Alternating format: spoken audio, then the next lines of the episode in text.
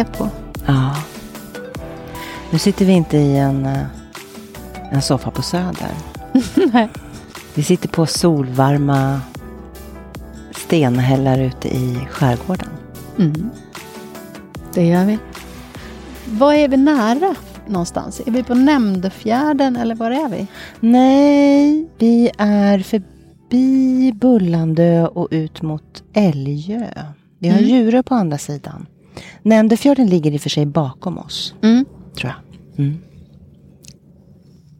Ja, vi sitter här på den här ön. Mm.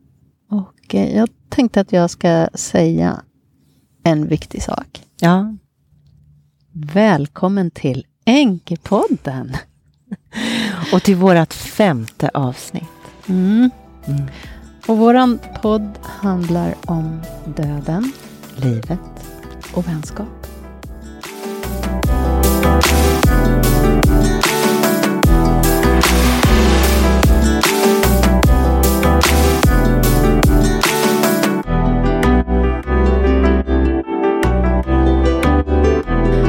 Ja. Och just det här att vi sitter på en ö ute i skärgården. Och jag kan säga att jag känner en sån frid och lycka och glädje. Och då slog det mig idag när jag gick upp i morse. Tog mig ett dopp i, direkt på morgonen från båten och simmade i vattnet. Att jag känner mig så lycklig och lyckligt lottad. Och så när jag tänkte den tanken så tänkte jag, kan man vara det? Eh, alltså är det tillåtet att känna en lycka och en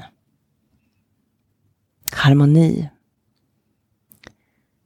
blandat med, med saknaden? Mm. Alltså du tänker så här, är det, är det mm, tillåtet att känna lycka och harmoni när man är änka? Mm. Mm. Ja, Eller sörjande änka kanske. Man kan ju vara änka, man är ju änka resten av sitt liv på ett sätt. ja. Eh, Tänker du, tänker du dig nu, nu är det 15 år sedan Rogelio dog. Mm. Tänker du dig att du är en sörjande änka? Eh, nej, inte längre. Nej. Men jag är fortfarande en änka. Mm. Mm. Jag är en sörjande änka. Mm. Det är du. Och ändå så känner jag både lycka och harmoni att vara här. Mm. Det gör jag verkligen. Jag får följa med i din jättefina, gulliga båt Mhm. till den här platsen. Det är lycka. Mm. Det är verkligen, då känner jag mig lätt om hjärtat. Även om det är nu nästan precis ett år sedan som jag var här med dig första gången. Mm. Och då levde Mats. Mm. Ehm, ja, för du, du påminde ju mig faktiskt om det när vi var på väg ut med båten. Mm. Du frågade ju mig hur jag kände. För att jag hade ju mina tankar på annat håll då. Men jag, jag fick tänka efter. Mm. Och så kommer jag ihåg att jag var väldigt, väldigt glad och lättad över att få följa med då. Mm. Och visste att Mats var omhändertagen. Jag minns inte om det var Nils som var med Mats då. Jag, jag minns faktiskt inte det. Men han, någon var hos honom. Och då kände jag mig lugn, för då kunde jag koppla av här. Mm. Och jag behövde ju det så oerhört mycket, för jag var ju så uttröttad. Mm. Så jag njöt verkligen att vara här. Och det är det jag minns mest. Att jag, så det här är ett oerhört positivt minne för mig att vara här. Ja, och jag tänker också på det du sa då när jag ställde frågan när vi åkte ut i kanalen. Um, och du sa att det var ju... Det här är ju ett minne som även om Mats levde då så är det inte ett minne som jag har tillsammans med Mats. Nej, just det. Så då blir det minnet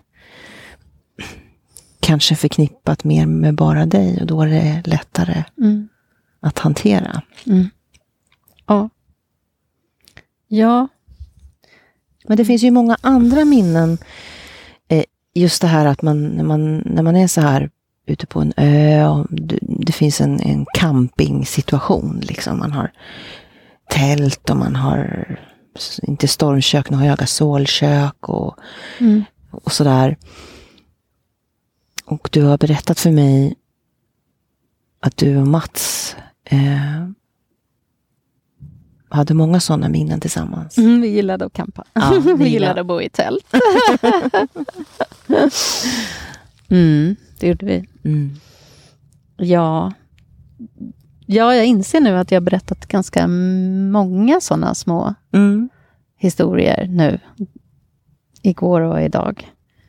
Um, när du säger det. Mm. mm. och det är väldigt positiva minnen. Det är väldigt skönt att minnas det, därför att det var en tid innan Mats blev sjuk första gången, 2015. Det, det var en tid när vi var liksom fria att röra oss hur vi ville.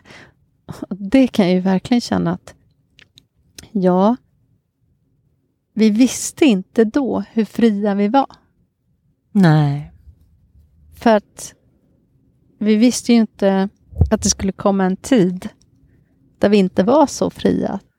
Mm. När vi var och kampade eller vad vi gjorde. Därför att vi visste inte att, att Mats skulle bli så sjuk och vi visste inte att vi skulle ha fem år av väldigt eh, mycket mindre möjligheter att göra saker. Och, och ju sjukare alltså, Mats blev. Alltså, det var ju så här att en, ett tag så blev det ju lite bättre. Och då, mm. gjorde vi, då åkte vi faktiskt till Grekland. Mm. Det var ju fantastiskt. Mm. Vi åkte till sån här all inclusive ställe mm. och Mats badade. Så det var ju häftigt. Mm. Men, eh, men sen blev det ju väldigt liksom, begränsat. Um, just så här, ja, att inte vi, att inte veta helt enkelt när, när vi inte har någon möjlighet längre. Alltså det här att för mig betyder det här i slutändan att vara tacksam för varje stund mm. som en har tillsammans. Ja. För att vi vet inte. Nej. Vi vet aldrig vad som ska hända. Nej. Och jag tänker, det finns ju jättemycket musik och, och sångtexter som handlar om, eh, om det. Att vi vet inte vad vi ska vi vet inte vart vi är sen och den här stunden kanske vi aldrig upplever igen. Bo Kaspers sjunger det så vackert. Eh, och, och så, men på något vis så är det svårt att förstå det när man är mitt i livet. Så tänker man ju inte att man ska, det här kommer jag inte uppleva igen. I alla fall så tänkte jag väldigt mycket på det sättet. Alltså att jag inte... Jag tog saker för givet mm. på ett helt annat sätt än vad jag gör nu. Mm.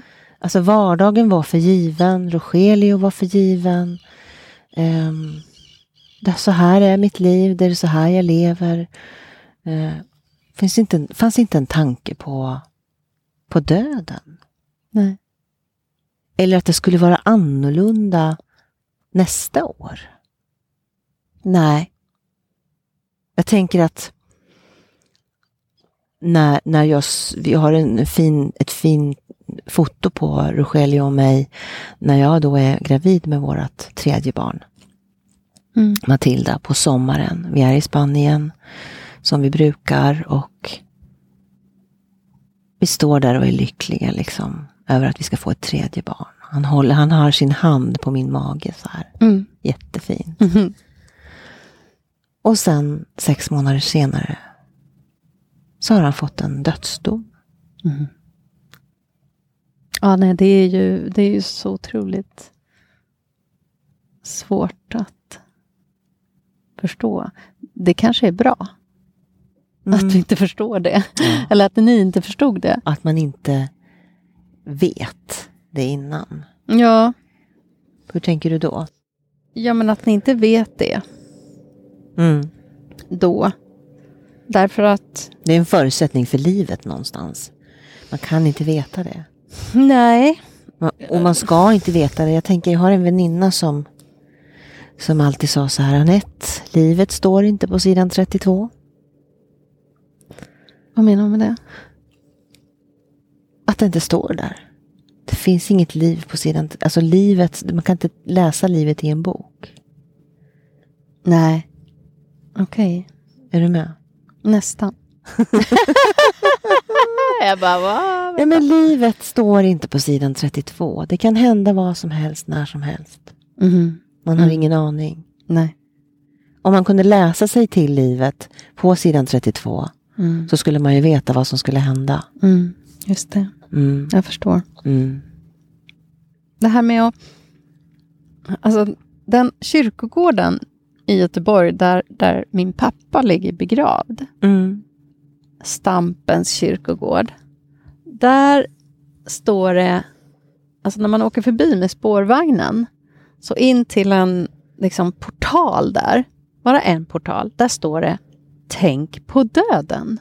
mhm. Och, och, och jag har aldrig gillat det. Jag bara, varför då? Jag åkte förbi där när jag var liten många gånger för att det var på väg till min mormor. Mm. Och jag var alltid tvungen att titta på den där skylten för att den var så skrämmande. Men vad är det för skylt då? Är det Alltså skylt? det är, ing, det är liksom sten, hugget i sten eh, ovanför portalen, en av entréerna till kyrkogården. Okej. Om man åker förbi, spårvagnen går väldigt nära. Mm. Och så står det Tänk på döden. Alltså varför då? Ett barn, varför ska jag tänka på döden? Jag förstod aldrig det. Och jag vet att jag frågade mamma.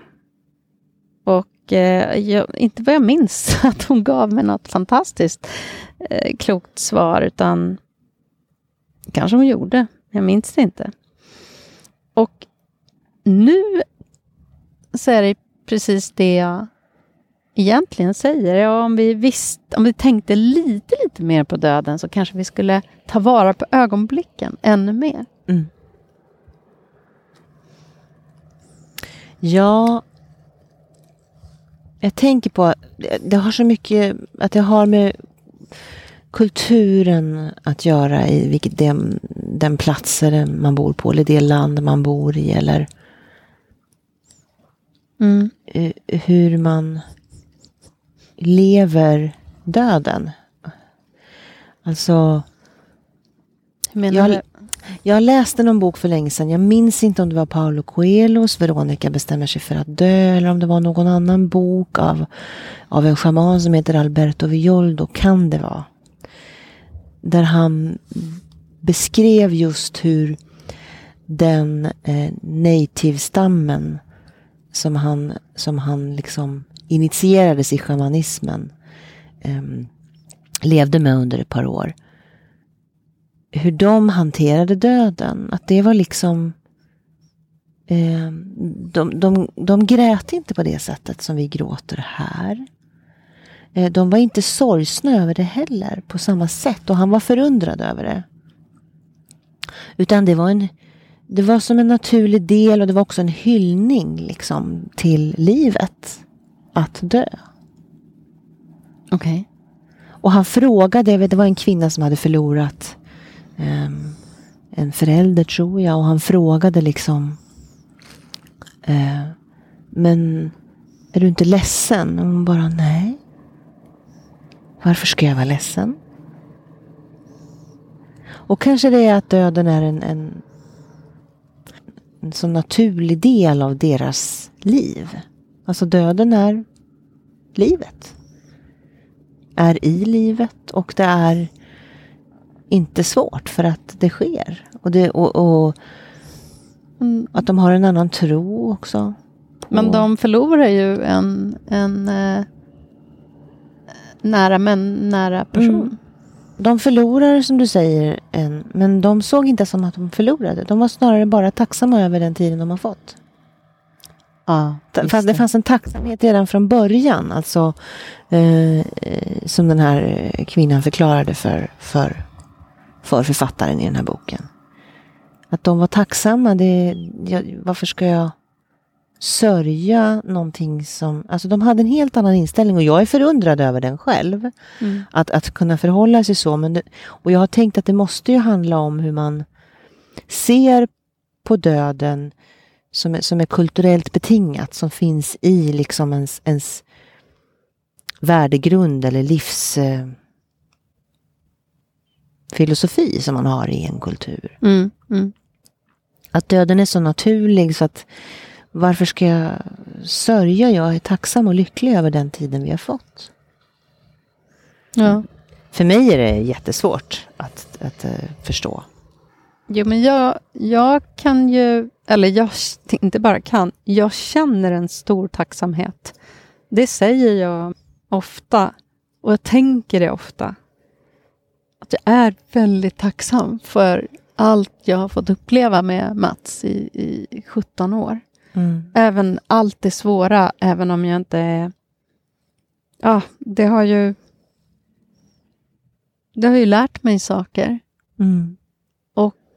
Min tacksamhet har ju vuxit Mm. väldigt mycket.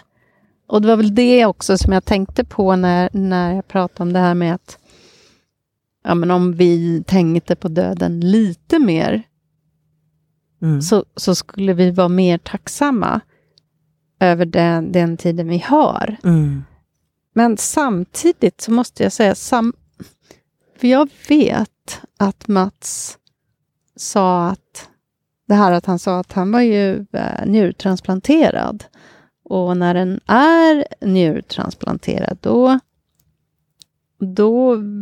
Han visste ju att livet, tror jag, han visste att livet var ändligt. Mm. Därför att han hade ju varit väldigt sjuk innan han fick sin pappas njure. Mm. Även om nu han hade haft sin njure länge och hans läkare sa att det här är stabilt och liksom så fanns det ändå en, en oro hos honom att och som han också sa till mig så här, ja men du satsar inte på fel häst nu här. Mm. Medan jag tyckte att så där kan du inte se på livet. Jag tyckte att det var Ja men han, han, det kändes som att han pratade om att han skulle dö någon gång. Mm. Ja, ja, det ska vi väl alla, men varför prata om det nu? Jag, tyckte det var, Jobbigt. ja, absolut. Jag ville absolut inte tänka på att han skulle dö någon gång. Men, men alltså, ja men det där är en svår fråga. Mm. Liksom hur, hur hanterar vi döden på bästa sätt? Liksom? Mm. Jag tycker inte att det bästa sättet är att gömma döden. Jag tycker det är svårt då. Jag tror, jag tror att det blir svårare då. Att, att liksom inte döden får synas i samhället. Eh, där man lever, att man inte pratar om den, att den inte existerar. Det blir så mycket mer chockartat när man väl är där sen. Mm. Ja, och man blir mer ensam i det. Det håller jag verkligen med om. Det, det, det kan ju verkligen känna nu att jag är inte lika rädd för döden längre. För att jag har varit tillsammans med döden. Vad lustigt att du säger precis den meningen som du sa nu. För det sa jag också. Efter att Rogelia hade gått bort. Gjorde Jag tror att jag sa det till min mamma också. Jag är inte rädd för döden längre. Hon bara, va? Är du inte det? Nej. Jag är inte rädd för döden längre. Därför du har varit, du var så nära. på något sätt så är det ju också det. Det värsta har ju redan hänt. Mm. Fast sen kan man säga, vad är det värsta egentligen? Det är ju egentligen, nej, jag tar tillbaka det.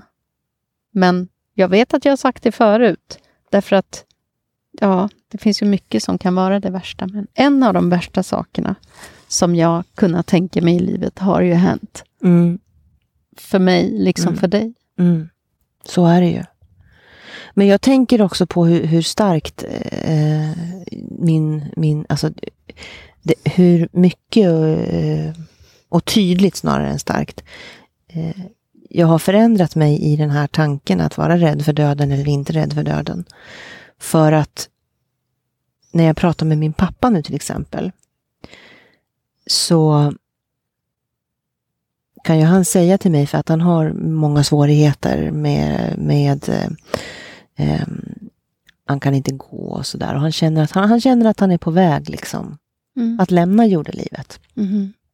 Och det har, det har han i och för sig känt ett, ett längre tid och vi kan prata om det väldigt enkelt. Mm. Och jag kan, jag kan säga att jag kan förstå. Han säger, jag är färdig här nu. Jag känner att jag... Han säger, jag är inte rädd för att dö. Mm. Jag tycker det ska bli lite spännande, säger han. Se hur det ser ut på andra sidan. Och, och, och det kan ju han få säga och, stå för honom. Men jag blir inte rädd när han säger det. Du blir inte rädd? Nej. Jag kan bara säga, jag förstår det. Du får lova då att du pratar med mig, att du har tagit kontakt med mig så att jag vet. Liksom, så här. Jag känner inte den skräcken och den rädslan jag kände eh, när Rogelio...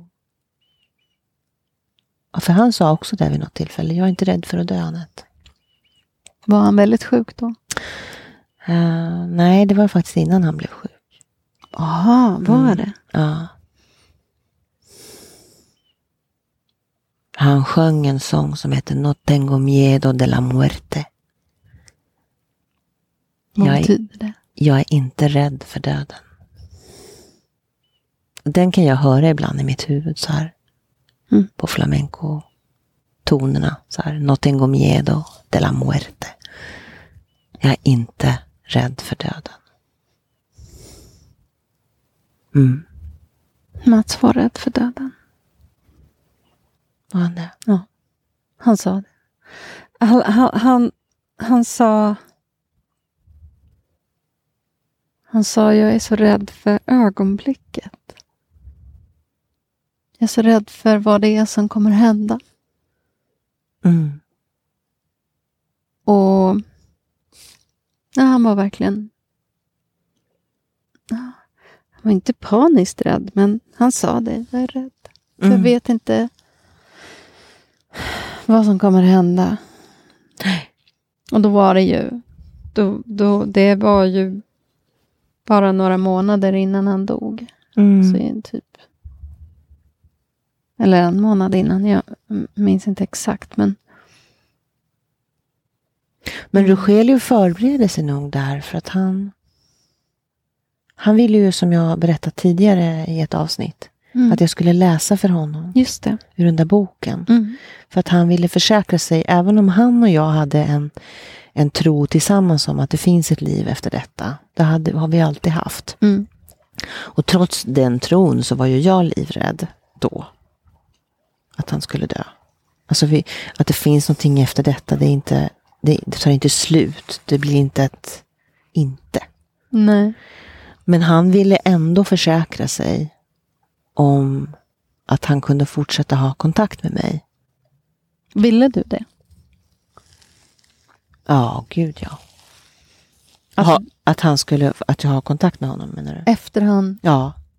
Men jag ville ju helst inte veta, alltså i stunden så var jag ju rädd och ville inte egentligen läsa ur den här boken liksom om om människor som har gått över förlorat någon och så kan man ha kontakt från andra sidan och den som är kvar berättar berättelser om att man har kontakt med sin avlidne partner. Liksom. Och det fanns flera sådana berättelser i den där boken och jag tyckte det var jättejobbigt att läsa. Och, och varför tyckte du det då? Eftersom du ändå tänkte att det fanns ett liv på andra Efter, sidan. Ja. ja, för att han ska ju, vi ska ju inte vara på två olika sidor. Nej, just det. Nej. Och det är ju ganska självklart att Ja. du inte ville det. Mm. Oj, jag höll på att sätta mig på en myra. Det vill jag inte göra. Hallå myran, sådär. Mm. Nej men alltså, mm, Men Mats var rädd. Mats, ja vi pratade ju om det också. Ma, eller, Mats visste att jag trodde att det fanns något mer. Att inte jag trodde att livet tar helt slut. Eller livet tar slut. Livet som den jag är här Mm. nu. I den här formen. Den personen, den, den tror jag definitivt, eller vet jag, kommer försvinna. Men att ha levt förut och kanske fortsätter att leva nya liv eller ja, en annan existens. Det sa jag ju till honom att det tror jag. Mm. Ehm, och han sa, nej men jag är ledsen, jag tror inte på det. Nej. Jag tror bara att det blir svart, att det tar slut. Mm. Ehm, och det, det upplevde inte jag att det förändrades någon gång. Utan det, det var han, hans tro. Mm. Och jag respekterade det fullt. Liksom. Mm. Självklart. Vi, vi respekterade ju varandras tankar. Mm. där. Mm. Jag tänker eh, på det som eh, när Rogelio hade gått bort. Så um, för att kunna jobba med min sorg, apropå det här andra existenser och om man har levt tidigare liv och så. Men det fanns, för det finns en tröst för mig i att tänka att, man har, att det finns andra existenser och att man kan leva andra liv. Eller att jag har levt tidigare. För mig känns det som en tröst att det inte tar slut. Och då, då minns jag, för jag gick nämligen för att bearbeta min sorg. Eh, jag minns nu inte om det var innan Paras, den terapeuten som hjälpte mig och mina barn. Eller om det var efter. Det har jag tappat minnet på.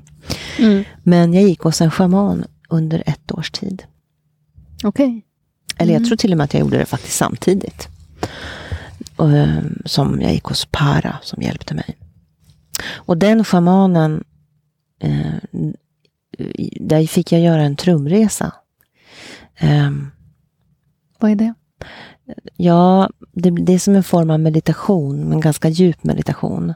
Där man med en monotont trumljud hamnar ner i ett transtillstånd i princip. Mm. Ehm, där han jobbade med min sorg och han såg ju saker som för mig blev väldigt tydliga och jag förstod mycket mer och det var lättare att bearbeta. Eh, och då såg han att jag har i princip sörjt i 300 år. Och att jag i det här livet nu skulle sörja, göra klart med sorgen. Okej. Ehm, och han hittade en liten bit av min, min själ som var en indianflicka eller en native flicka från Kanada som, som hette Fri som vinden. Hon bara kom liksom till mig. Mm. Han frågade om, om jag ville att, att hon skulle liksom förenas med mig. så. Mm. Och det ville jag. Och sen pratade vi om det efteråt när jag kom tillbaka från den här meditationen. Att jag har sörjt och sörjt ihjäl mig nästan vid varje tillfälle under 300 år. Och jag tyckte det var en spännande tanke. Mm.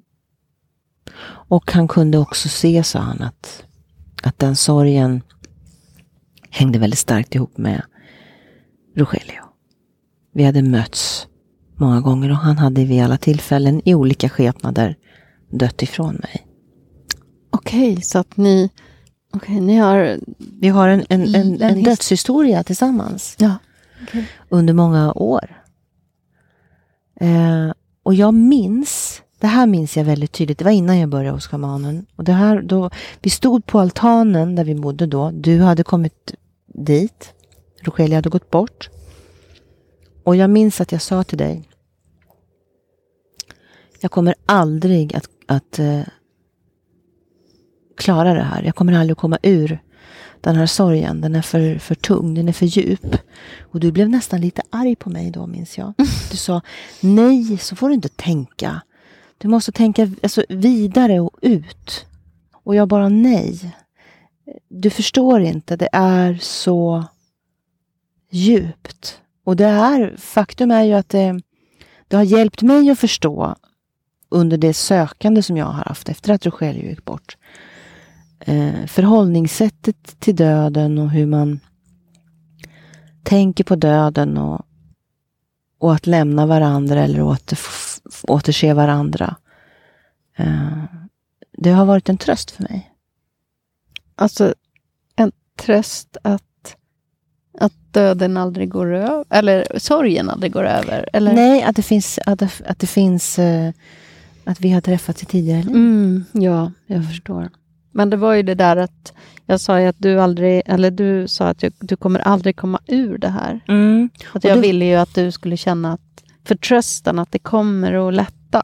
Men det hjälpte inte. Nej. Det var helt, det var sådär, men vad, nej, hon förstår inte. Det, så, det sitter så djupt och det lossnade först när schamanen förklarade för mig att du har burit på det här i 300 år. Mm. Och du måste göra upp det i det här livet. Det, det, nu är det tid. Han sa inte måste. Han sa nu är det tid att lösa upp den sorgeknuten. Liksom.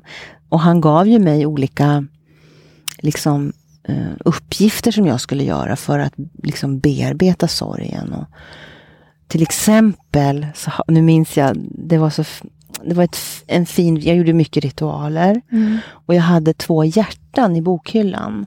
Varav ett hjärta var av guld eh, och det kände jag skulle vara, det representerade mig. Mm. Det var jag. Mm. Sen fanns det ett hjärta som var av blod, mm, mahognyblodrött, liksom såg ut som en sammet nästan. Mm. Mm. Och det var Rogelio, det var liksom Mm. flamenco-hjärtat. Och de två hjärtarna, för mig var det så här, de, de sitter ihop.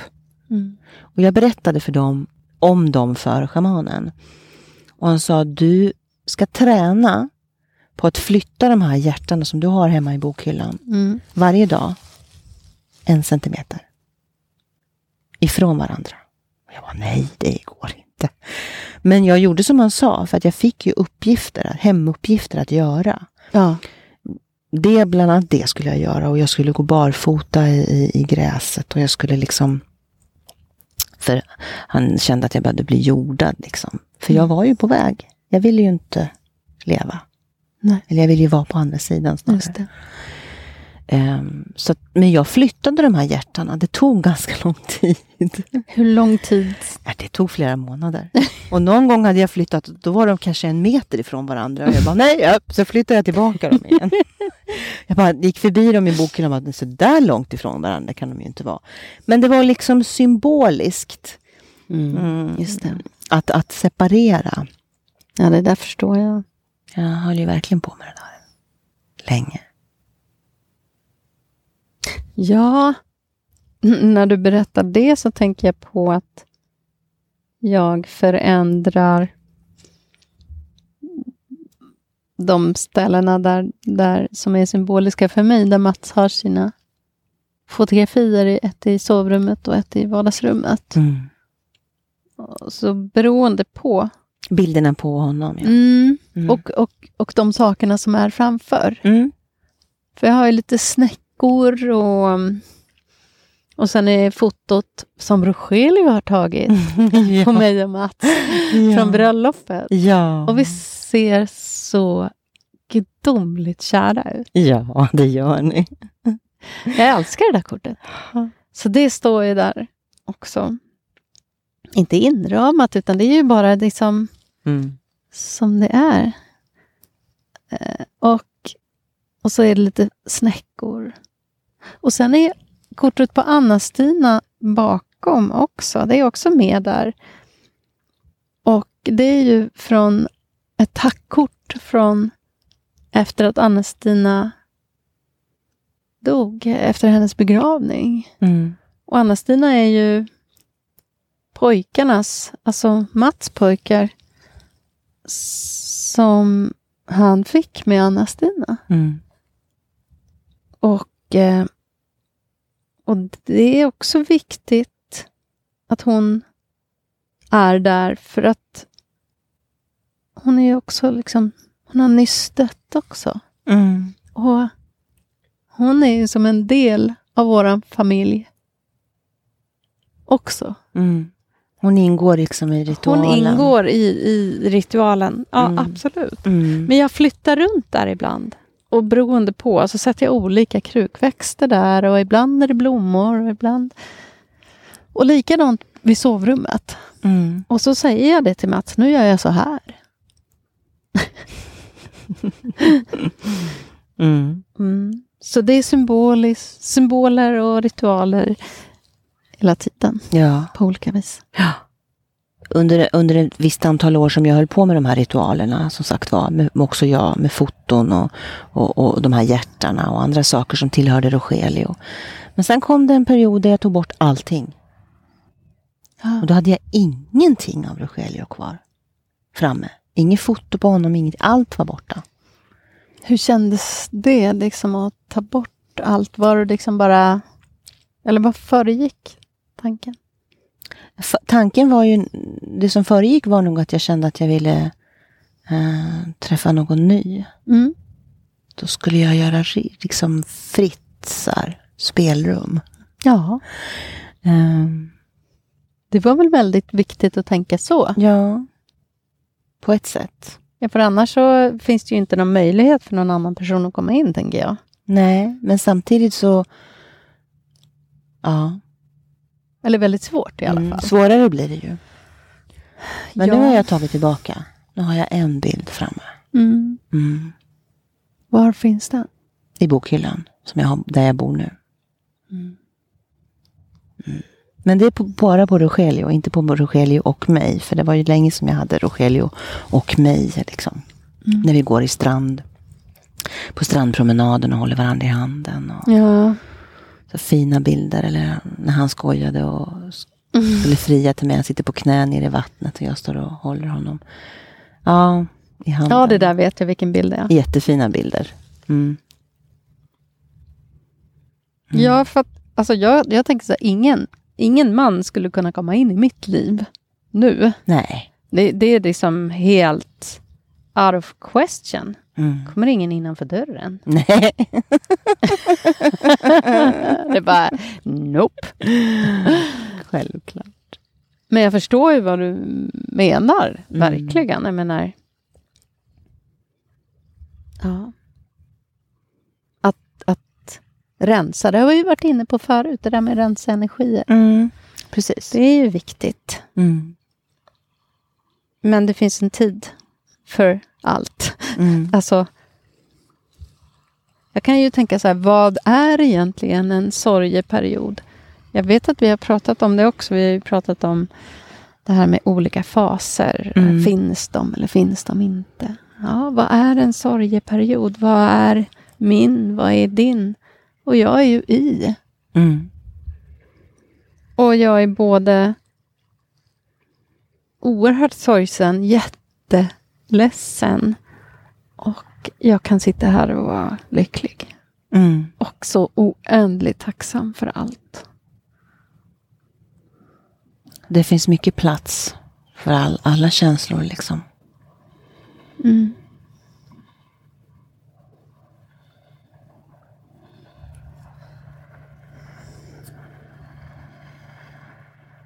Jag återkommer väldigt ofta till det här skulle... Eller det här tyckte Mats om. Det gör jag fortfarande. Ja, kanske mer att jag gjorde, ja men jo det gör jag. Det har, prat, har jag ju pratat om flera gånger när jag har tagit båten. De senaste gångerna vi har varit på båten. Mhm.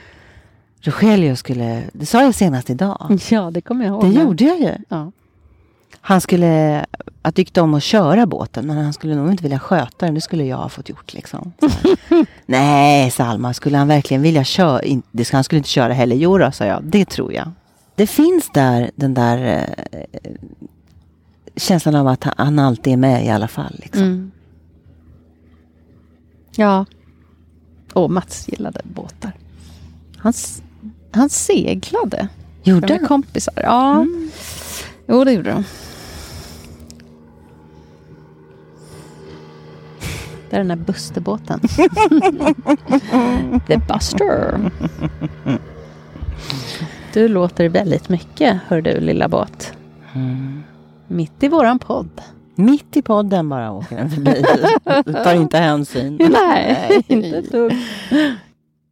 Åh, Mats älskade havet. Mm. Det är väl svårt att inte älska havet kanske. Ja.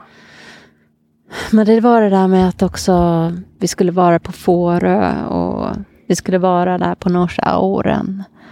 Den långa, långa, långa sandstranden. Där det var väldigt glest mellan de som låg och solade. Mm. Och Fårö Gotland var väldigt viktigt för honom. Jag hade aldrig varit på Gotland innan jag träffade. Jo, det hade jag visst det. För jag gick en um, manusutbildning Mm. där vi delvis var på Gotland och Fårö. Mm. Men, eh, men han visade mig Gotland och Fårö. För han hade ju varit där sedan han var liten. Mm. På somrarna. Mhm. Hans Ja. pappa, han, han eh, fixade med hissar. Mhm. Han eh, gjorde, vad heter det, han gjorde så undersökningar. Vad heter det, men när man eh, gör såna årliga, besiktigade hissar. Besiktigade hissar. ja, han Mm. besiktigade hissar. Mm. Och alla möjliga hissar. Bygghissar och båthissar, allt möjligt hissar. Så att han brukade kombinera det där med att åka till Gotland med sin familj. Och så passade han på att besiktiga lite hissar på Gotland. Ja. Och det är ju någonting att vara ex extremt tacksam över. För jag tänker ju på att jag hade ju inte varit i Spanien när jag träffade Rogelio. Nej. Hade du aldrig varit i Spanien? Jag kanske hade varit någon gång och åkt så här, typ till Mallorca. Men det, var liksom, in- det är inte Spanien på det sättet. Nej. Tycker jag nu då. Nej. Man har att jämföra med. Mm. Ehm, så det är ju, det är ju verkligen en, en ynnest att, ha, att få ha tagit del av Rogelios liv i hans hemland. Så, och det han, hans hav och få Mm. vara, fort, kunna fortsätta vara där. Det känns ju helt magiskt. Att kunna Mm. åka dit ändå. Och, Han är ju liksom begraven där. Vi spred ju askan där. Och eh, ibland när vi... Jag har tänkt på det när du har sagt... När du pratar mycket om Mats gravplats och hans plats. liksom. För att jag stod ju inför det valet. Att om jag tar urnan till Spanien så får jag inte, fick jag inte ha en minnesplats Nej. i Sverige. Nej. Nej. Så ibland kan jag sakna det. Mm, Och tidigare när jag har bott i hus och så, så har jag både på, på Nöskvikivägen där vi bodde och, och sen i Evlinge så, så har jag varje, till exempel varje allhelgona skapat en, en, en plats på tomten Mm. där jag liksom har hedrat honom så. Eh, med, med ljus och, och ett hjärta som står saknar dig och så. Jag gjorde liksom en ritual av det. Jag har gjort det i alla, alla, alla år. Och nu när jag flyttade fick jag göra det på balkongen istället. Mm. Minns du? Mm. Mm, den här helgona som var. Jajamensan, jag minns det. Men när vi kommer till Spanien då, då badar vi i hans grav. Har du tänkt på det Jag har tänkt på det jättemycket. Ja. Det var några... Det låter lite... Det låter lite groteskt. ja, det gör det. Jag vet. Men, men det känns liksom... Nej, för vi har åkt ut till den platsen där vi strödde askan. Mm. Eh, varje sommar.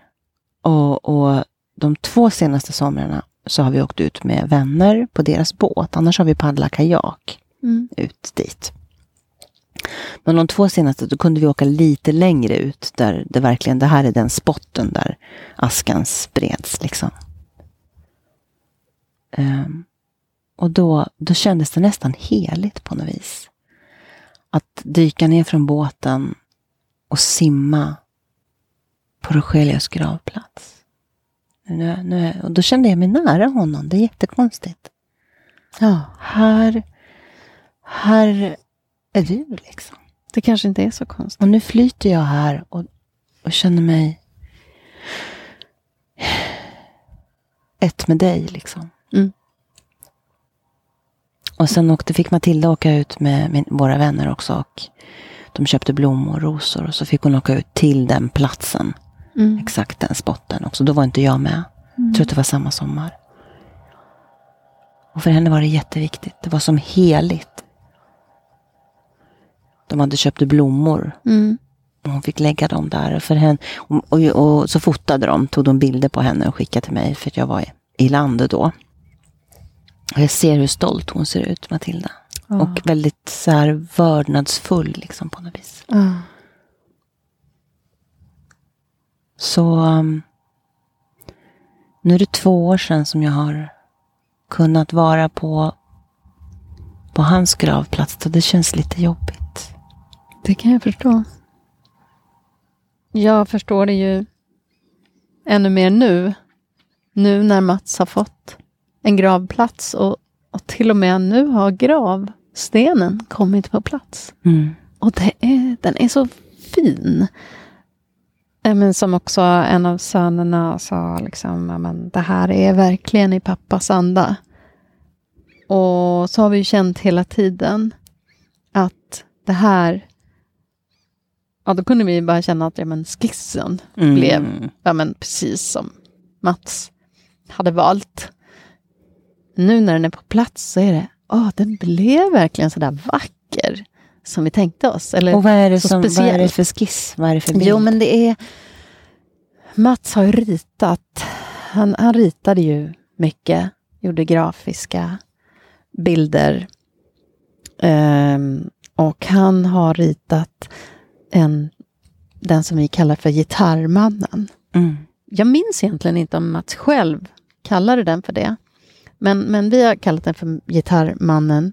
Och det är då en, en man som, som håller i en gitarr. Fast ena handen är inuti den här eh, runda där, där eh, Strängarna går över? Ja, precis, där det är utskuret. Mm. Det, det här är ju en akustisk gitarr han har Mm. eh, ritat. Så handen är inuti där, under strängarna på något sätt. Den andra handen, den sitter ju och tar som att den tar ett ackord. Mm. Och den är röd. Där fingrarna är helt röda. Ja. Annars är figuren egentligen då svarta streck Mm. bara. Eh, och gubben står lite grann och lutar. Och så har gubben en keps. Mats älskade ju keps. Ja. Lik, ja, vi var nog hattmänniskor båda två. Liksom. Kep, vi är kepsiga. Och eh, han gillade så här gubbkepsar. Um, helst skulle de kunna knäppas upp Mm. med en, med en knapp vid skärmen. Liksom. Så det är typ en sån. Och jag känner nu verkligen att det var honom själv han menade när Ja. han gjorde den gubben. För ganska länge sedan. Jag vet inte när den är gjord från början, men 2012 har jag för mig att det står. Så det här grafiska bl- bladet som vi också hade på som också hade på eh, Begravningen. begravningen. Mm. eh, själva programmet. Och även tack, tackkortet. Mm. Den är då på hans gravsten. Och så vände vi på det liksom så att det är en svart gravsten och sen är det vita streck. Ja, det är så vackert. Ja, ja du såg Det är bild. så konstnärligt. Ja, och sen så står det Här vilar världens finaste Mats Aronsson. Mm. Står det på stenen. Mm. Och så hans födelsedatum och dödsdatum. Och sen står det också Så länge skutan kan gå. Ja.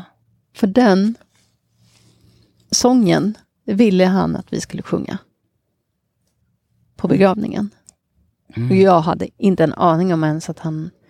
Nej, men jag har aldrig hört honom prata om den sången. Men han hade verkligen valt ut den och, och nu förstod jag ju. Mm. Eller när vi, jag läste alla, alla textrader. Den handlar ju om döden också. Ja. Och därför fick det vara med på gravstenen. För det var den enda önskan han hade Mm. när det gäller musik. Mm. Och ja, det är underbart att den är där på plats. Men nu när du berättar om din om Rogelius plats så tänker jag, ja den är symbolisk. Men Mats gravplats är ju faktiskt också symbolisk. Hans Mm. aska har vi lagt i en urna Mm. med, med all våran kärlek Mm. och meddelanden och brev och blommor och Mm. plektrum har han Mm. också fått med sig. Såklart. Ehm, det här kommer ju att, att bli en del av jorden. Ja. För Precis. urnan är också en sån urna som, som måste förmultna, för det är lag på det. Mm. Att de, de får inte vara någon beständig kruka, utan den måste kunna förmultna. Det är ju jättebra. Mm. Fast det kan, kanske kan kännas smärtsamt. Men, men jag, det är ju liksom... Det är klart att det inte kan vara massa krukor i jorden. Nej, det går ju inte. Så den Mats aska kommer ju också bli en del av jorden. Och han är ju inte där, precis som Rogelio. Hans aska har spridit sig i havet. Mm. Men ändå så har platserna så mycket symboliskt värde. Ja. Att vi kan prata med dem Mm. på de här platserna. Mm. Det är ju faktiskt jättefint. Mm. Det är jätte, jättefint. Jag har känt varje gång jag har under de här 15 åren första, första liksom doppet ner i havet, i Medelhavet, så känner jag nu, nu simmar jag i dig, Rogelio. Nu känner jag mig trygg. Nu är jag här. Mm. Det är fint. Det är jättefint. Mm. Och här sitter vi och tittar på havet. Ja. Och solen är inte riktigt på väg att gå ner, men den har liksom blivit lite svagare. Och det är fortfarande så varmt. Ja. Vi sitter ju här liksom bara i bikini och en liten lätt skjorta. Liksom. Ja. En underbar svensk sommar den här sommaren. Mm, det är det. Den hade de tyckt om båda två. Eller hur? Ja, det hade de.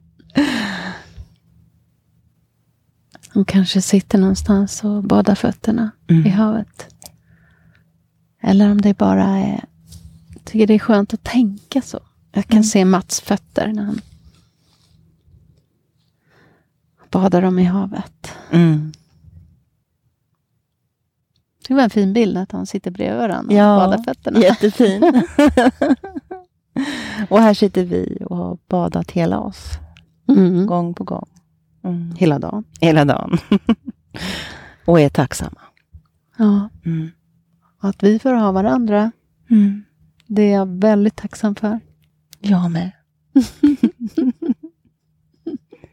Vi blir jag jätterörd. Vi slutar där. Ja, det gör vi. Tack för att du har lyssnat på det här avsnittet. Nu blir jag så himla rörd. Mm. Tack så innerligt för att vi får eh, sitta här och dela med oss av det här. Det betyder mycket. Så vi... Tills vi ses, eller nej, jag säger det varenda gång. Tills vi hörs nästa Mm. gång. Mm. Och väldigt, väldigt gärna. Vi är så tacksamma om du lyssnar via en eh, podd eh, eller Spotify Ja. eller någonstans där du kan gilla oss eller ge oss några stjärnor eller om du vill mejla eller ge oss några fina ord på vägen så betyder det jättemycket för oss att höra att du finns där och lyssnar och, Mm. och att ju fler människor som, Som- ger oss Ja, som ger oss... Eh, omdömen. Feedback. Ja, Omdömen. omdömen och feedback så, så kommer vi att synas mera. Och fler människor får möjlighet att lyssna. Ja, det stämmer. Mm. Men framförallt hoppas att du har en underbar sommar. Mm. Denna märkliga sommar. Så är den ändå också fantastisk. Mm. Så Tack för oss. tack för oss. Hej då.